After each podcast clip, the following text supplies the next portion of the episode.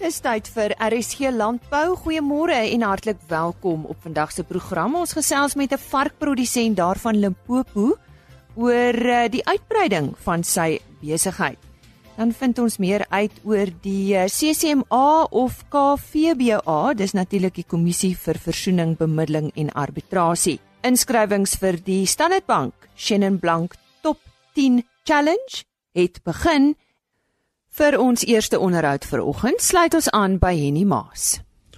Ons uh, gesels aan RC Landbou oor uh, die kudde projek wat veeplaas saam met verskeie teelersgenootskappe onderneem.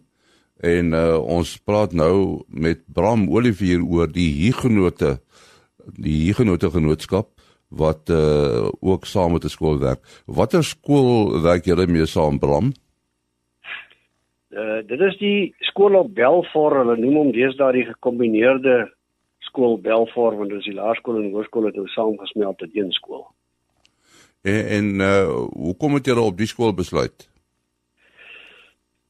Weet jy, en ons het maar gekyk die die posisionering van die ras die hiergenoot is 'n uitstekende hoofveldbees, hoe die hoë potensiaal gebiede waar ons met graan boer en dit is belangrik dat mens moet verstaan dat die Bosveld het sy baken bakermat lankal verloor as 'n as 'n beesproduserende area en en die meeste beeste in Suid-Afrika word maar geproduseer by die hoë potensiaal saaigebiede, die mieliegebiede, die hoëveld waar die ouens graan het, waar die ouens bietjie uh, hoër potensiaal uh vee mee boer.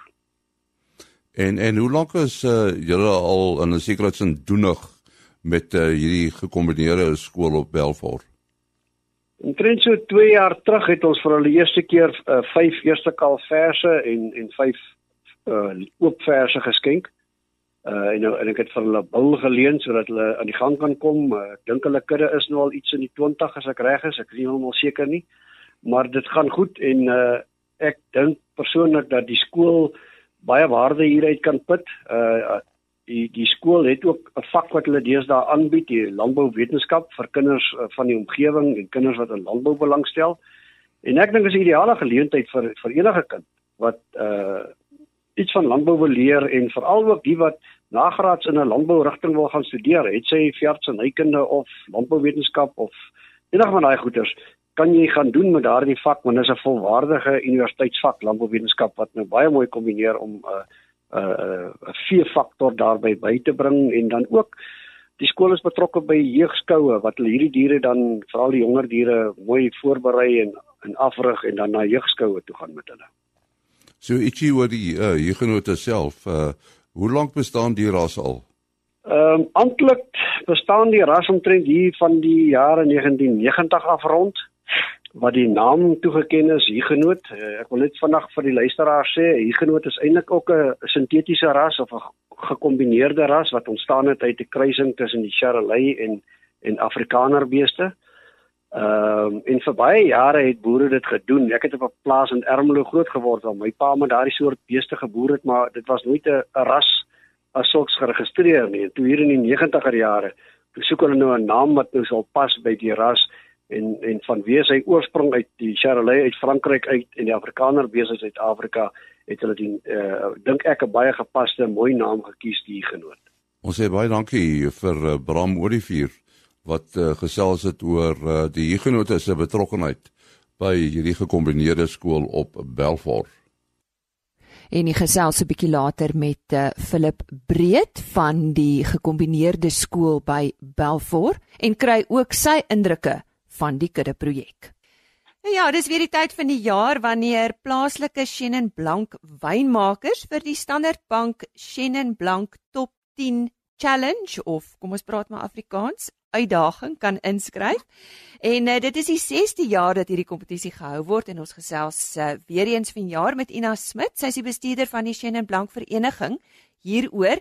Nou Ina, voor ons oor die kompetisie gesels, hoe gaan dit met Suid-Afrikaanse Shannon Blank? Goeiemôre. Môre Lisa, ag dit is heerlik om weer met jou te gesels.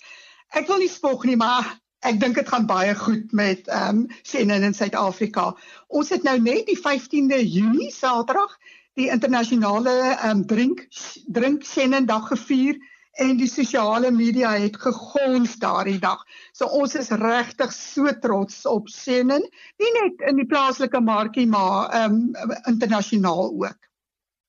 Nou inskrywings vir hierdie kompetisie open eersdaags. Wat is die kriteria vir inskrywings?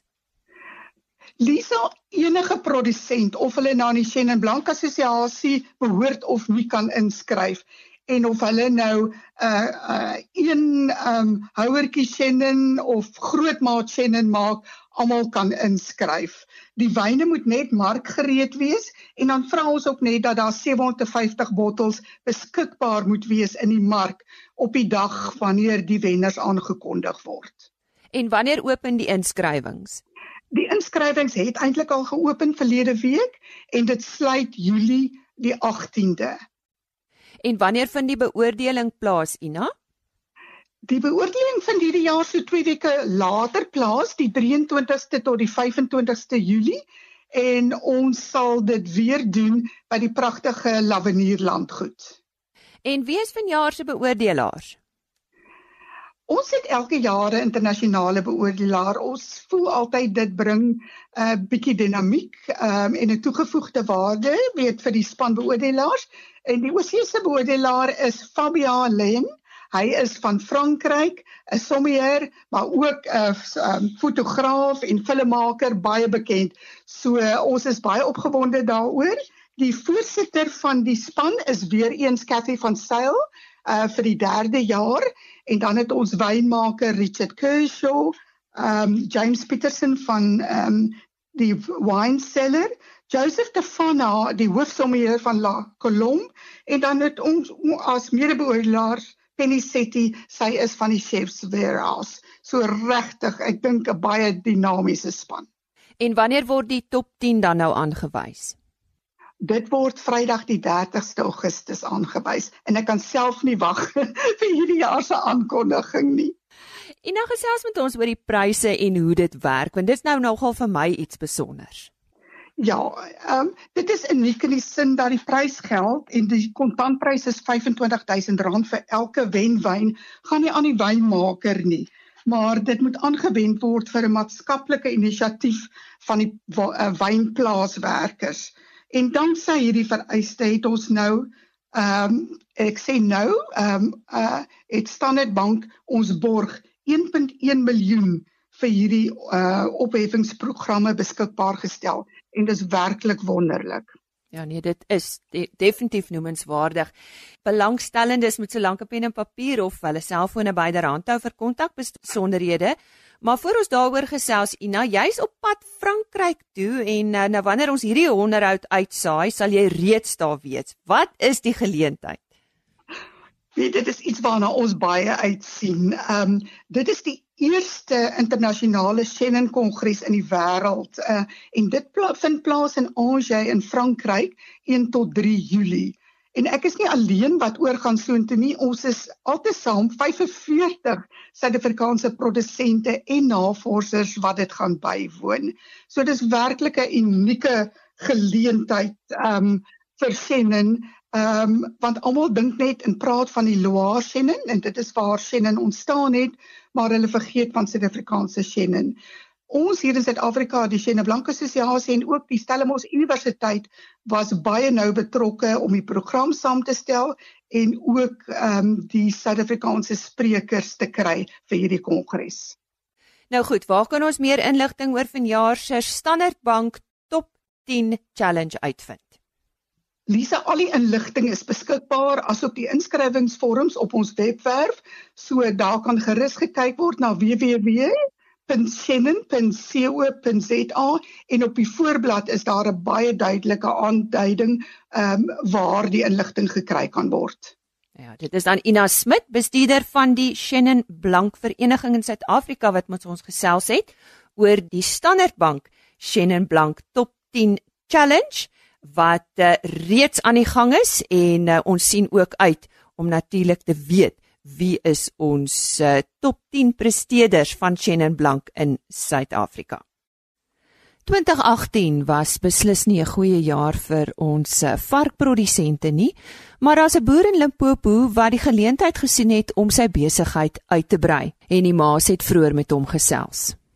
Ons uh, gesels nou met Bradley Mockford uh, daar uit uh, Limpopo se wêreld en ons gaan praat oor uh, oor varkproduksie.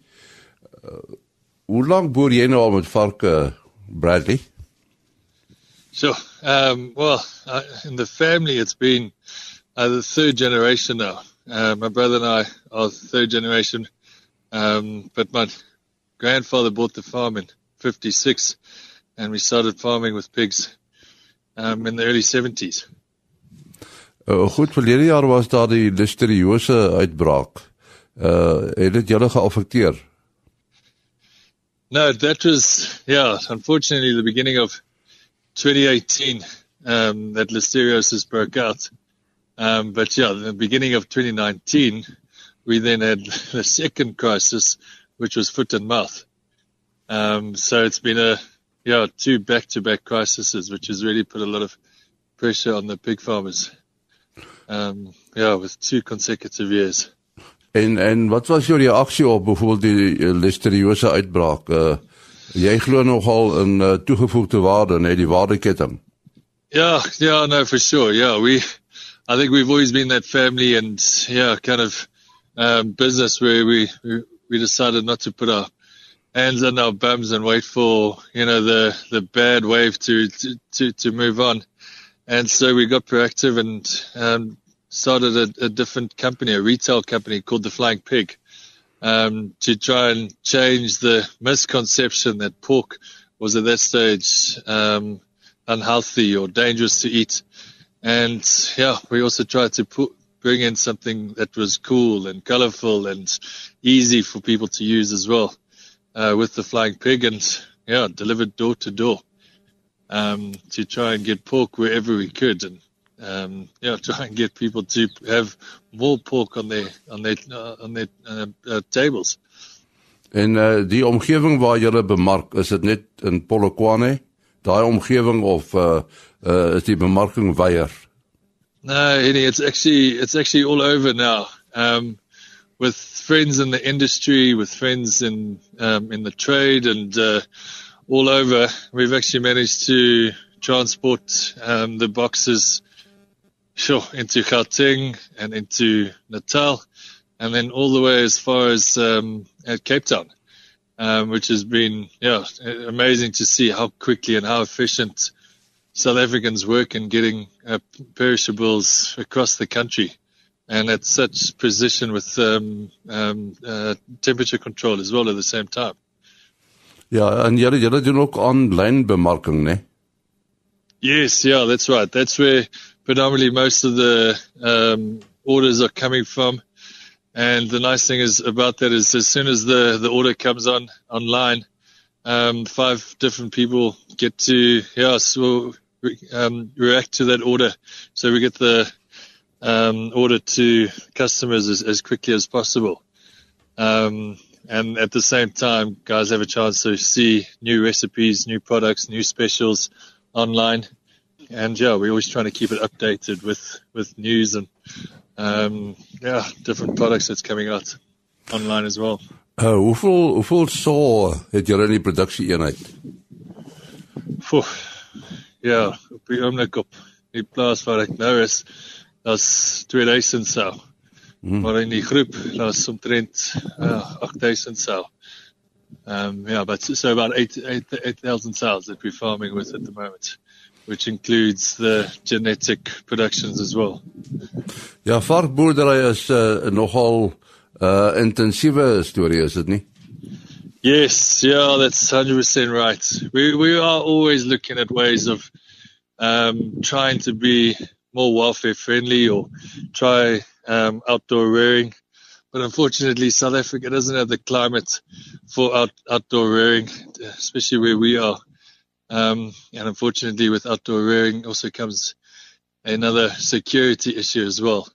Um, so yeah, we still believe, and that's not just a biased opinion from our consulting vets as well. It's you know, the way that we are rearing them at the moment is the most you know, welfare and healthy, or the healthiest way that we can rear them. Ja, uh hoe lyk dit met die bemarking van uh van varkvleis? Die uh, die neigings, is daar 'n opwaartse neiging op die oomblik? Sure. Yeah, it's it's a good time to ask actually. I mean, 4 weeks ago, I think I would have given you a completely different um answer. But uh because of the online trade um auction, which a lot of people seem to be um dictating their prices on um our prices have gone up Sure, by nearly 10 Rand in the last four weeks. Uh, four weeks ago, we were actually at, we were below input costs. And now we are averaging 27.70. And the next week it could go up by even more. Um, and on the, on Trigger last week, the average price for bacon is, was, was 30 Rand 70 cents. Mm. So it's really gone up, um, an incredible amount in the last five or six weeks. Nou nou waarom die skielike opswaai? Waarom sou dit wees? I think we've managed to get through the excess that uh, um, was sitting on our shores from foot and mouth.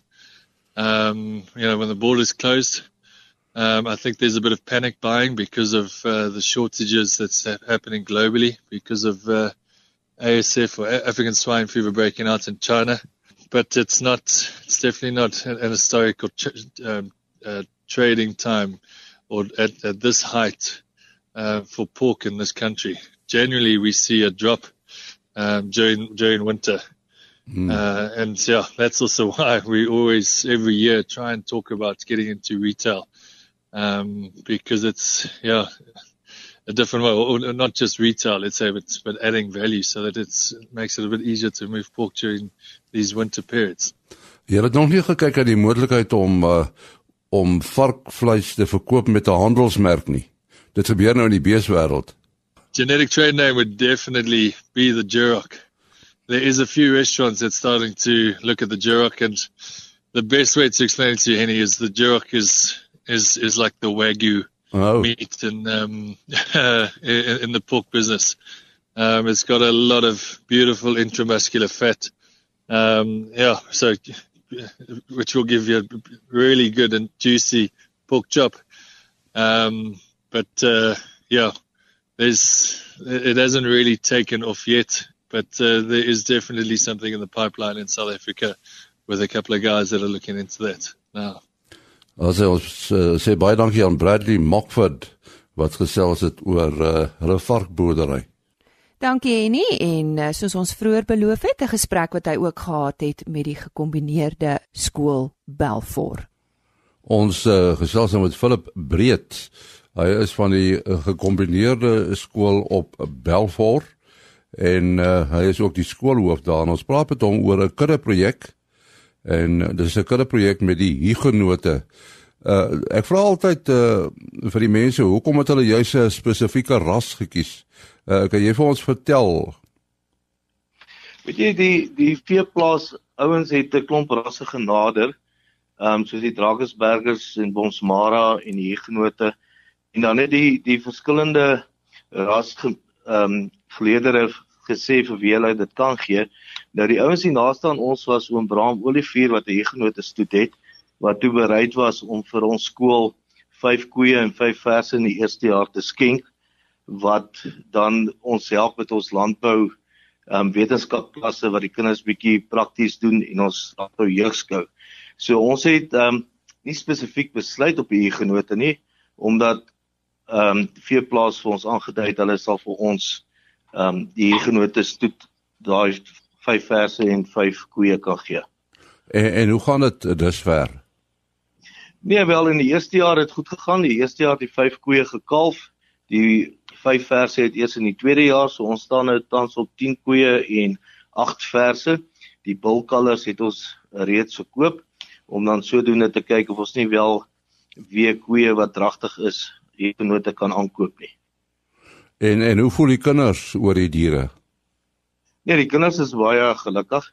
Ehm um, hulle gaan werk so een keer in 2 weke gaan werk die kinders daarmee en dan in September is daar Alfa week in Parys waarvan ons jeugskoukinders dan met twee van die verse wat hulle maak maak mee gaan skou.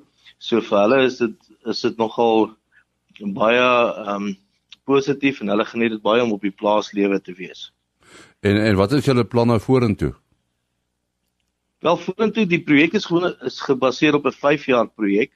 Ehm um, so ons wil graag die kudde baie groter uitbrei en meer geleenthede gee vir ons landbouwetenskapkinders. Dit so 2 jaar terug met landbouwetenskap in die skool begin en ons wil dit graag omdat ons 'n boeregemeenskap is, het ons gevoel die skool kan dalk meer bied in die landbougedeelte wat ons dit glad nie gehad nie en saam met ons tegniese vakke kan dit nogal vir die landbou iets beteken. En ons het nogal baie ehm um, minder gegoede leerders in ons skool. Ja, ons sê baie dankie aan Philip Breed, die skoolhoof van die gekombineerde skool op Belfort en soos jy gehoor het dat dit uh hier genote beeste gekry om mee te werk. Arbeid is 'n ernstige sake risiko en indien korrekte prosedures nie gevolg word nie, kan dit tot 'n saak by die Kommissie vir Versoening, Bemiddeling en Arbitrasie of soos ons hulle ken, die CCMA lei. Nou uiteindelik het dit 'n groot finansiële impak op die werkgewer.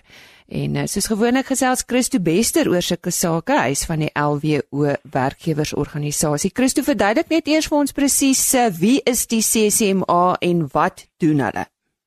Dis ja, goeiemôre, baie dankie weer vir die geleentheid. Nou die KVBA, ehm um, soos wat hy dan bekend staan, is 'n gesagsliggaam, of kom ons noem dit dan die kommissie of 'n organisasie wat se hoofdoel natuurlik is is om geregverdige arbeidspraktyke aan te moedig.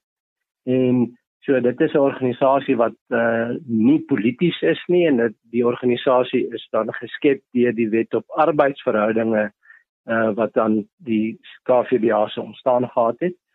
Die KVBA werk natuurlik nie vir die regering nie, hulle werk ook nie vir enige vakbond nie of vir 'n werkgewersorganisasie.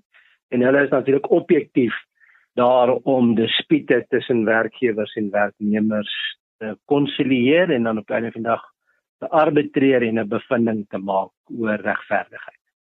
So op watter gronde kan 'n werknemer 'n dispuut na hulle toe verwys? Daar is drie gronde wat die KVBA natuurlik vir kan oor beslis en dit is eerstens die ontslag van 'n werknemer se wangedrag, dis waar natuurlik die reëls oortree en dan met die onlangse wysigings van die wetgewing vanaf 1 Januarie 2019 het hulle ook na die bevoegdheid om besluissings te maak rondom die betaling van van vergoeding wat voorheen by die departement van arbeid gelê het. En derdens natuurlik die onbillike arbeidspraktyke wat meer as 'n voorbeeld daarvan te gebruik is waar werknemers se diensvoorwaardes eensydig verander word en daar ongelukkigheid daaroor is en dit is dan die drie gevalle meeste gevalle wat dan verwys word na die KVBA toe. Ja, ek Christo, watter wenke het jy vir ons landbouers om te verseker dat die gevolge van 'n KVBA saak nie die einde van 'n onderneming beteken nie?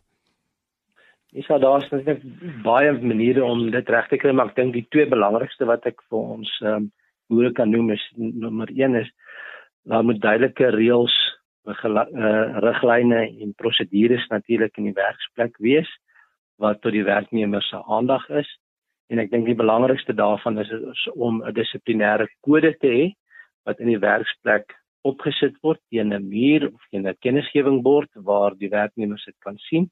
Want die dissiplinêre kode gee vir die werknemer die riglyne om te sê watter optrede geag word as wangedrag te wees en wat die gepaardgaande sanksie gaan wees sou hy daai wangedrag dan pleeg. Wat is die twee belangrike faktore waarna hulle kyk wanneer 'n werknemer dit dispuut aanhangig maak? Die eerste een waarna die KVB kyk is eerstens na die prosedurele billikheid, met ander woorde, die KVBA kyk of die proses wat gevolg is regverdig is waarop neerkom is dat is daar um, vir die werknemer in sy taal die proses gevolg met ander woorde wees dat daar het uh, daar moet 'n tolk beskik wees en ook natuurlik of die werknemer die geleentheid gegee is om sy kant van te stel en dan ook die geleentheid gegee is om getuies te kry sonder vrae. As dit nie betrokke was nie, dan sal daar 'n beslissing wees dat daar 'n prosedure 'n probleem was. Die tweede faktor waarna die KVBA kyk is natuurlik substantiëre billikheid.